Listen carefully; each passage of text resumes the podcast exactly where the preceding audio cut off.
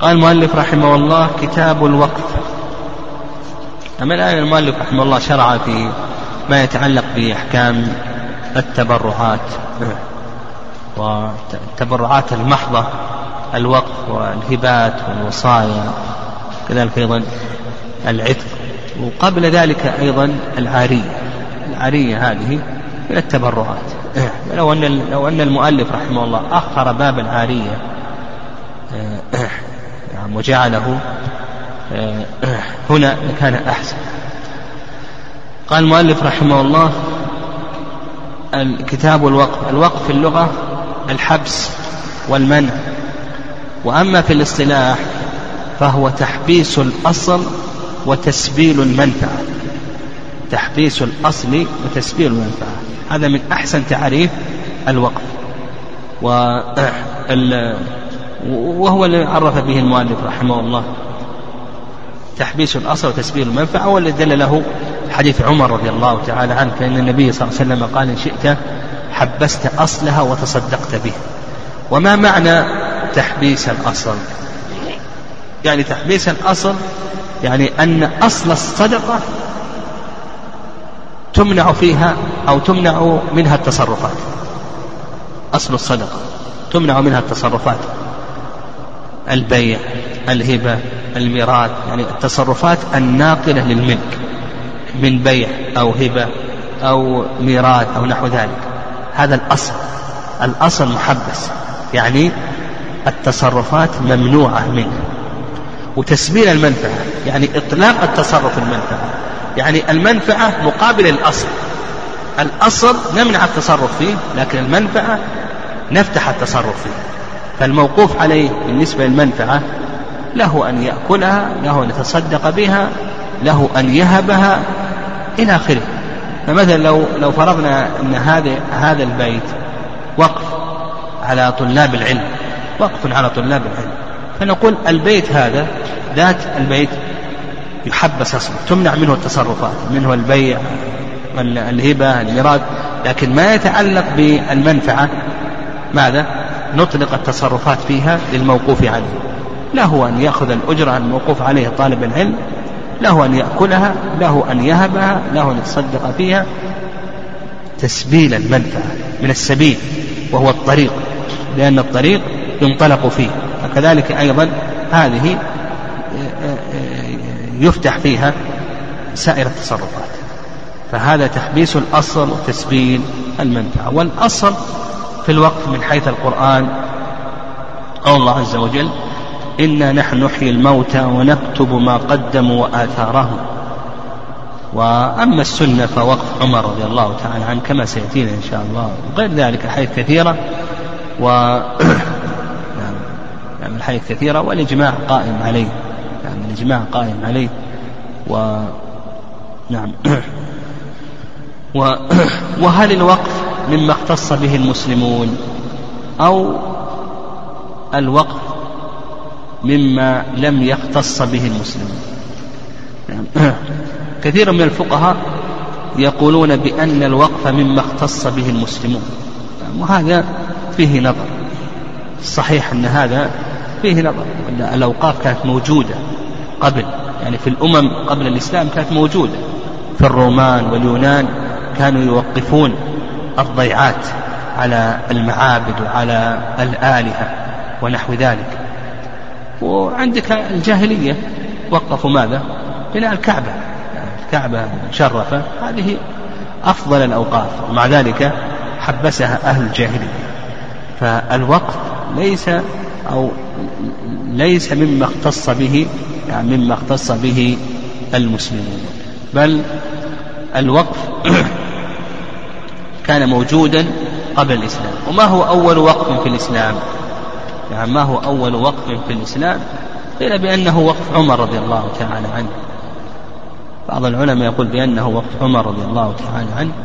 قال بعض العلماء بأنه وقف النبي صلى الله عليه وسلم. فإن مخيريق اليهودي كما في مسند أحمد وغيره دخل الإسلام يوم أحد. يعني ألقى الله في قلبه الإسلام يوم أحد وخرج ولحق بالنبي صلى الله عليه وسلم وقتل. وقبل أن يقتل أوصى بأن حوائطه السبعة صدقة لرسول الله صلى الله عليه وسلم يضعها حيث شاء. فقيل بأن هذا هو أول وقف ووقف النبي صلى الله عليه وسلم. هذه الحوائط تصدق بها النبي صلى الله عليه وسلم إلى آخره. على كل حال هذا لا يترتب عليه كثير. قال المؤلف رحمه الله ويصح بالقول وبالفعل الدال عليه. يعني الصيغة صيغة الوقف. إما أن تكون قولية وإما أن تكون فعلية. الصيغة القولية يقسمونها أيضا إلى صريح وكناية كما سيأتينا إن شاء الله. نعم كما سيأتي إن شاء الله إلى صريح وإلى كناية. وأما الفعلية فهي الفعل الدال على الوقف. الفعل الدال على الوقف. والوقف الحقيقة منافعه كثيرة ومصالحه عظيمة وهو من محاسن هذا الدين من محاسن الدين. فأنت إذا تأملت مصالح الوقف تجد تجدها كثيرة. فهو ضمان لاستمرار الدعوة إلى الله عز وجل. كذلك أيضا تعليم العلم الشرعي كذلك أيضا صلة الرحم ورعاية الفقراء والمحاويج وغير ذلك. ولهذا الصحابة رضي الله تعالى عنهم بعدهم السلف كانوا يبادرون إلى القاء وابن شبة رحمه الله في كتابه أخبار المدينة أورد كثيرا من آثار الصحابة رضي الله تعالى عنهم في آه، تسبي في تحبيسهم للدور والأراضي والضيعات إلى آخره. فالوقف الحقيقة منافعه كثيرة ومصالحه عظيمة.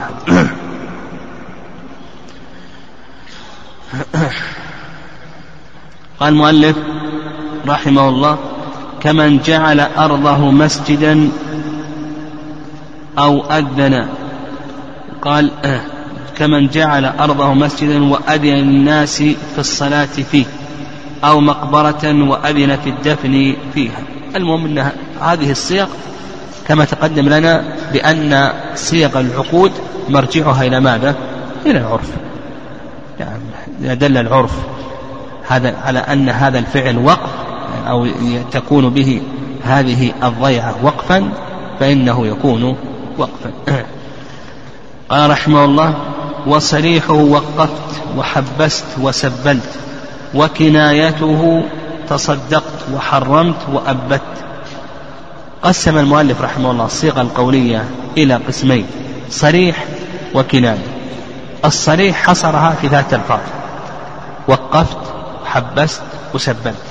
الكناية حصرها أيضا في ثلاثة ألفاظ تصدقت وحرمت وأبت. الصريح ما يحتاج إلى شيء. إذا قال هذا وقف أو هذا سبيل أو هذا آه، نعم حبس حبسته كفى ذلك. لكن الكناية قال المؤلف رحمه الله؟ الكناية قال لك فتشترط النية مع الكناية. لا بد من الكناية لا بد من النية. لأن الكناية تحتمل أمرين. تحتمل الوقف وغيره فلا بد من النية التي تعين أحد الاحتمالين فقد يقول تصدقت قصدها الصدقة المطلقة ليست الصدقة المقيدة التي هي الوقف. وقد قصده حرمت يعني منعت. فلا بد من النية التي ترجح أحد الاحتمالين. ها هذا الأمر الأول يعني ما يشترط مع الكناية ها الأمر الأول ماذا؟ النية. قال أو اقتران أو اقتران أحد الألفاظ الخمسة. اقتران أحد الألفاظ الخمسة. يعني لا بد أن يقول تصدقت بهذا البيت صدقة محبسة أو صدقة مؤبدة أو صدقة محرمة.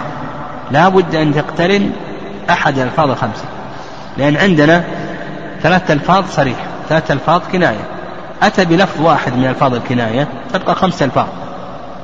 فلا بد مع هذا اللفظ الذي أتى به من الكناية أن يقترن معه ماذا؟ واحد من الألفاظ الخمسة الباقية. فيقول مثلا تصدقت بصدقة محبسة موقوفة محرمة مؤبدة أو حرمت هذا البيت تحريما محبسا مسبلا إلى آخره. أو حكم الوقف. هذا الأمر الثالث يعني إذا أتى بكناية يعني لا بد أن يأتي ب... لا بد أن يذكر حكم الوقف. بأن يقول ماذا؟ ها؟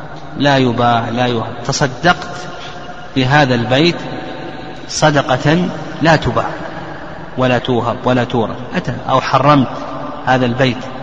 تحريما لا يباع ولا يوهب ولا يورث. إلى آخره. نعم ذكر المؤلف رحمه الله ثلاثة أمور أيضا بقي أمر رابع أو أو يكون هناك قرينة. قرينة دالة على إرادة الوقف. قرينة دالة على إرادة الوقف. مثل لو قال تصدقت بهذا البيت ويقدم تصدقت بهذا البيت على طلاب العلم ويقدم الحافظ. ها؟ يقدم الحافظ أو يؤخر المتواني إلى آخره كما سيأتينا. يعني أتى بشيء من من الشروط التي يذكرها الواقفون ونحو ذلك. من قرينة دلت على إرادة ماذا؟ على إرادة الوقف.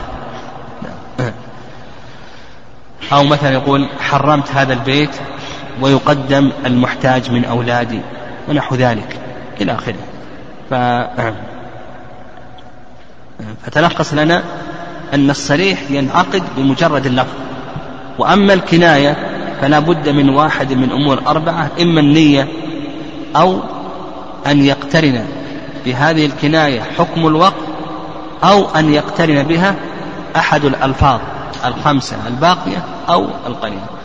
قال المؤلف رحمه الله ويشترط فيه المنفعة دائما من معين ينتفع به مع بقاء عينه كعقار وحيوان ونحوهما. هنا بدأ المؤلف رحمه الله في بيان شروط صحة الوقف. فقال المؤلف رحمه الله يشترط فيه الأول المنفعة. ولا بد أن تكون هذه المنفعة دائما من معين. فلا يصح نعم دائما من معين ينتفع به مع بقاء عينه كعقار وحيوان ونحوهما.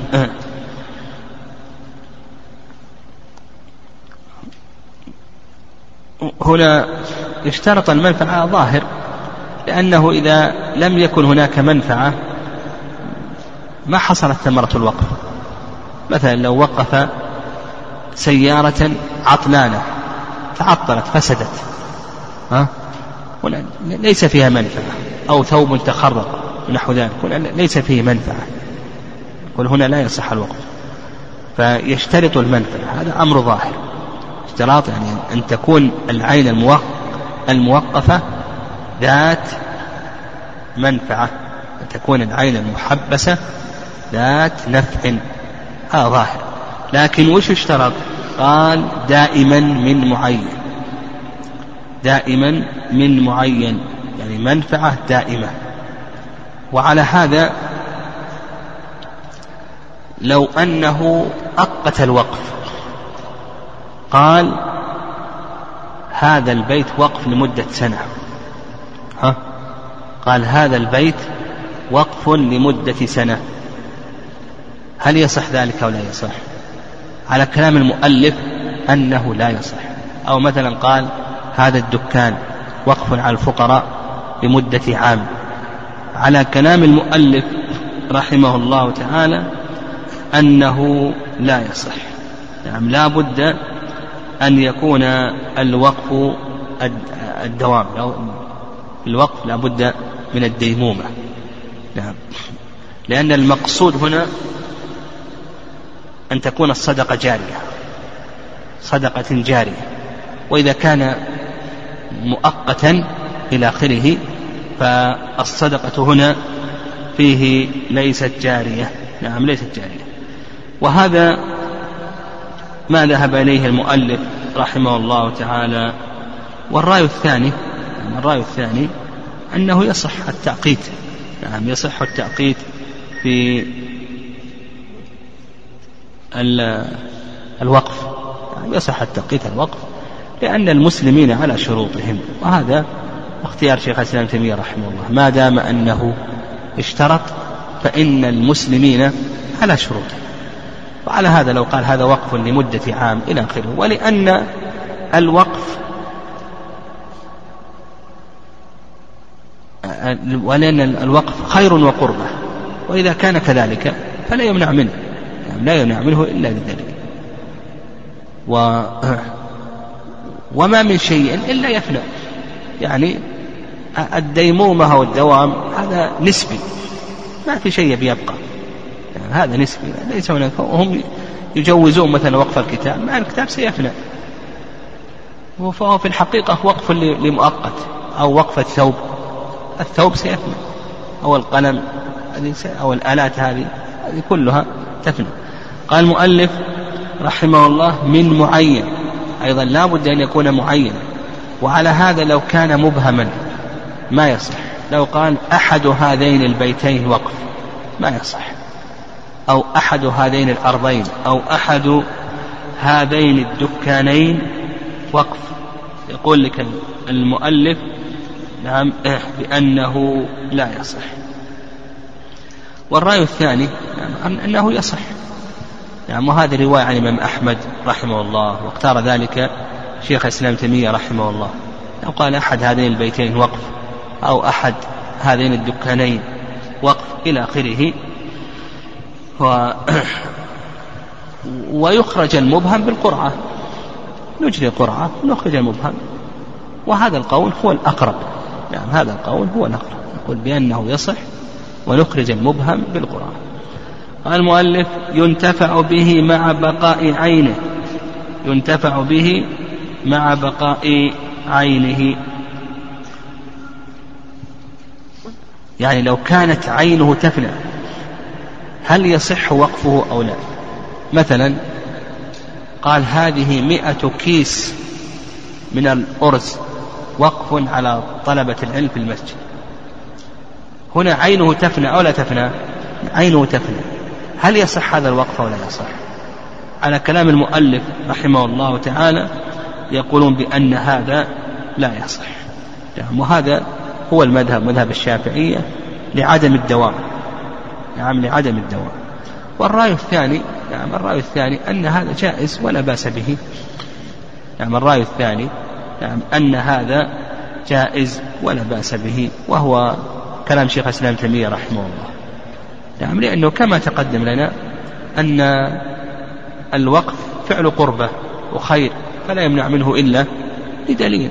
وأيضا يدل لذلك أن عمر عثمان رضي الله تعالى عنه وقف بئر رومة وهذه البئر الماء يفنى أو يبقى. ها؟ الماء يفنى مع ذلك.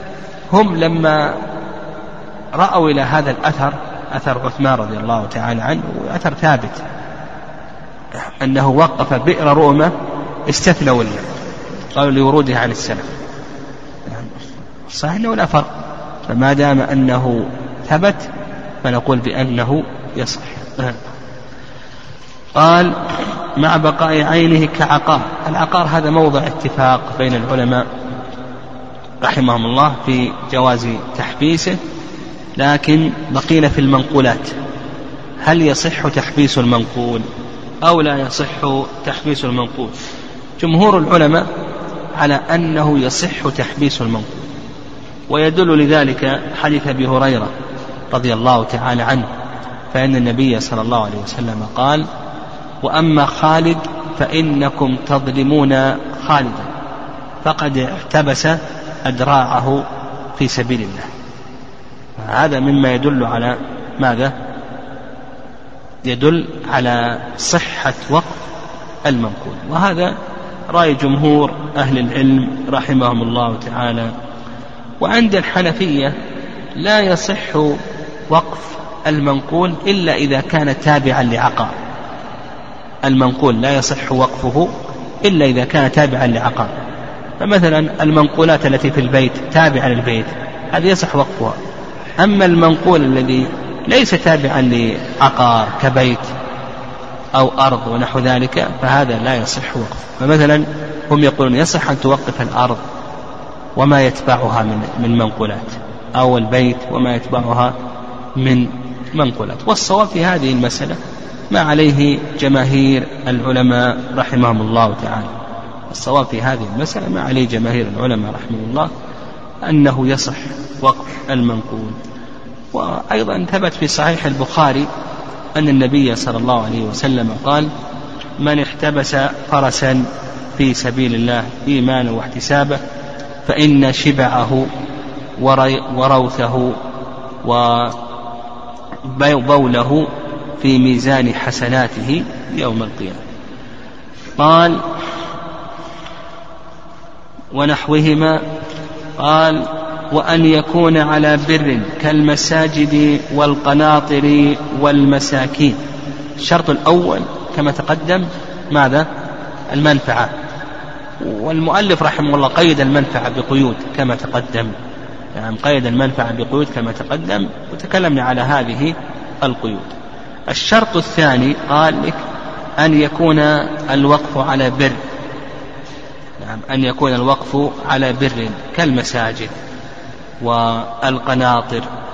القنطرة هي الجسر الذي يوضع فوق الماء لكي يعبر عليه فيصح الوقف على المساجد. كذلك أيضا آه، القناطر والمساكين كتب العلم ودور الأيتام جمعية تحفيظ القرآن إلى آخره أشياء كثيرة. وهذا إذا كان على جهة عامة. إذا كان الوقف لأن الوقف إما أن يكون على جهة عامة وإما أن يكون على جهة خاصة. فإذا كان على جهة عامة إلى آخره نشترط أن يكون على ماذا؟ على بر. وعلى هذا يعني ما يصح إذا كانت الجهة الجهة عامة ولم تظهر فيها القربة ما يصح الوقف من باب أولى إذا كان إذا ظهر فيها المحذور الشرعي.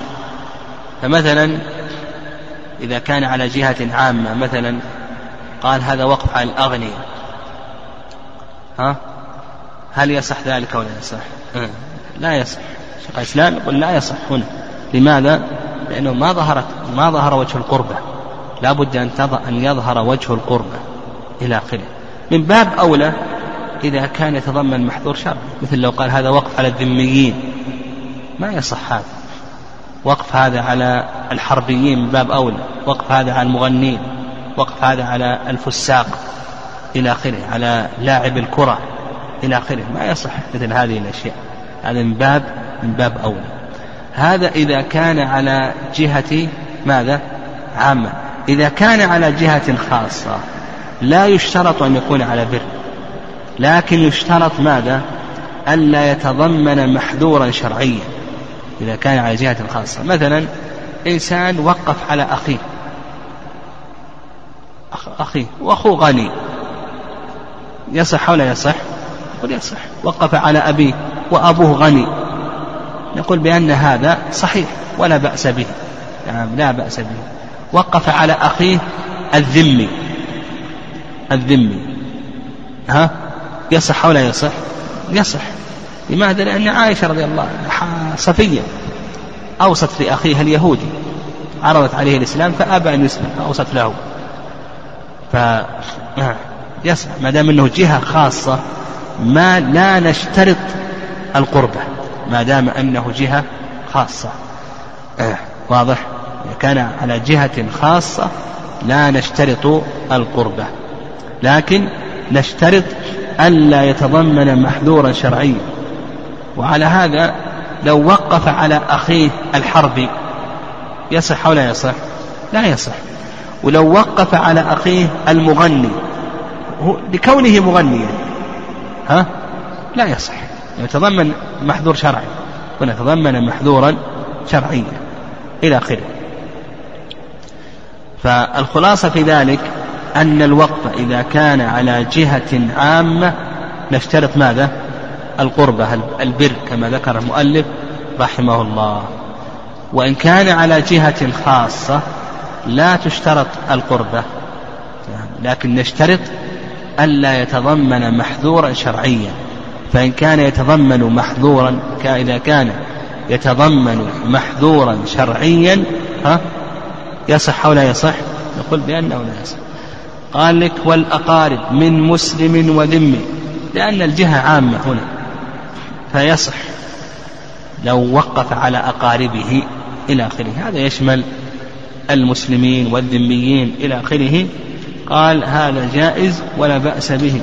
قال غير حربي وكنيسة كما تقدم إذا كان على جهة خاصة نشترط ألا يتضمن محظورا شرعيا وإذا وقف على الحرب إلى آخره حرب الكافر بينه وبينه بينه وبينه حرب فيقول بأن هذا لا يجوز. لأنه, لأنه هنا تضمن محذورا شرعيا. قال وكنيسة. نعم لا يصح الوقف. لأن يعني هنا يتضمن محذور شرعي. وقف على الكنائس. يقول بأن هذا لا يصح لما في ذلك من الإثم والعدوان والكنائس. بيوت الكفر والمحاربة لله ورسوله صلى الله عليه وسلم فنقول لا يصح الوقف على الكنائس.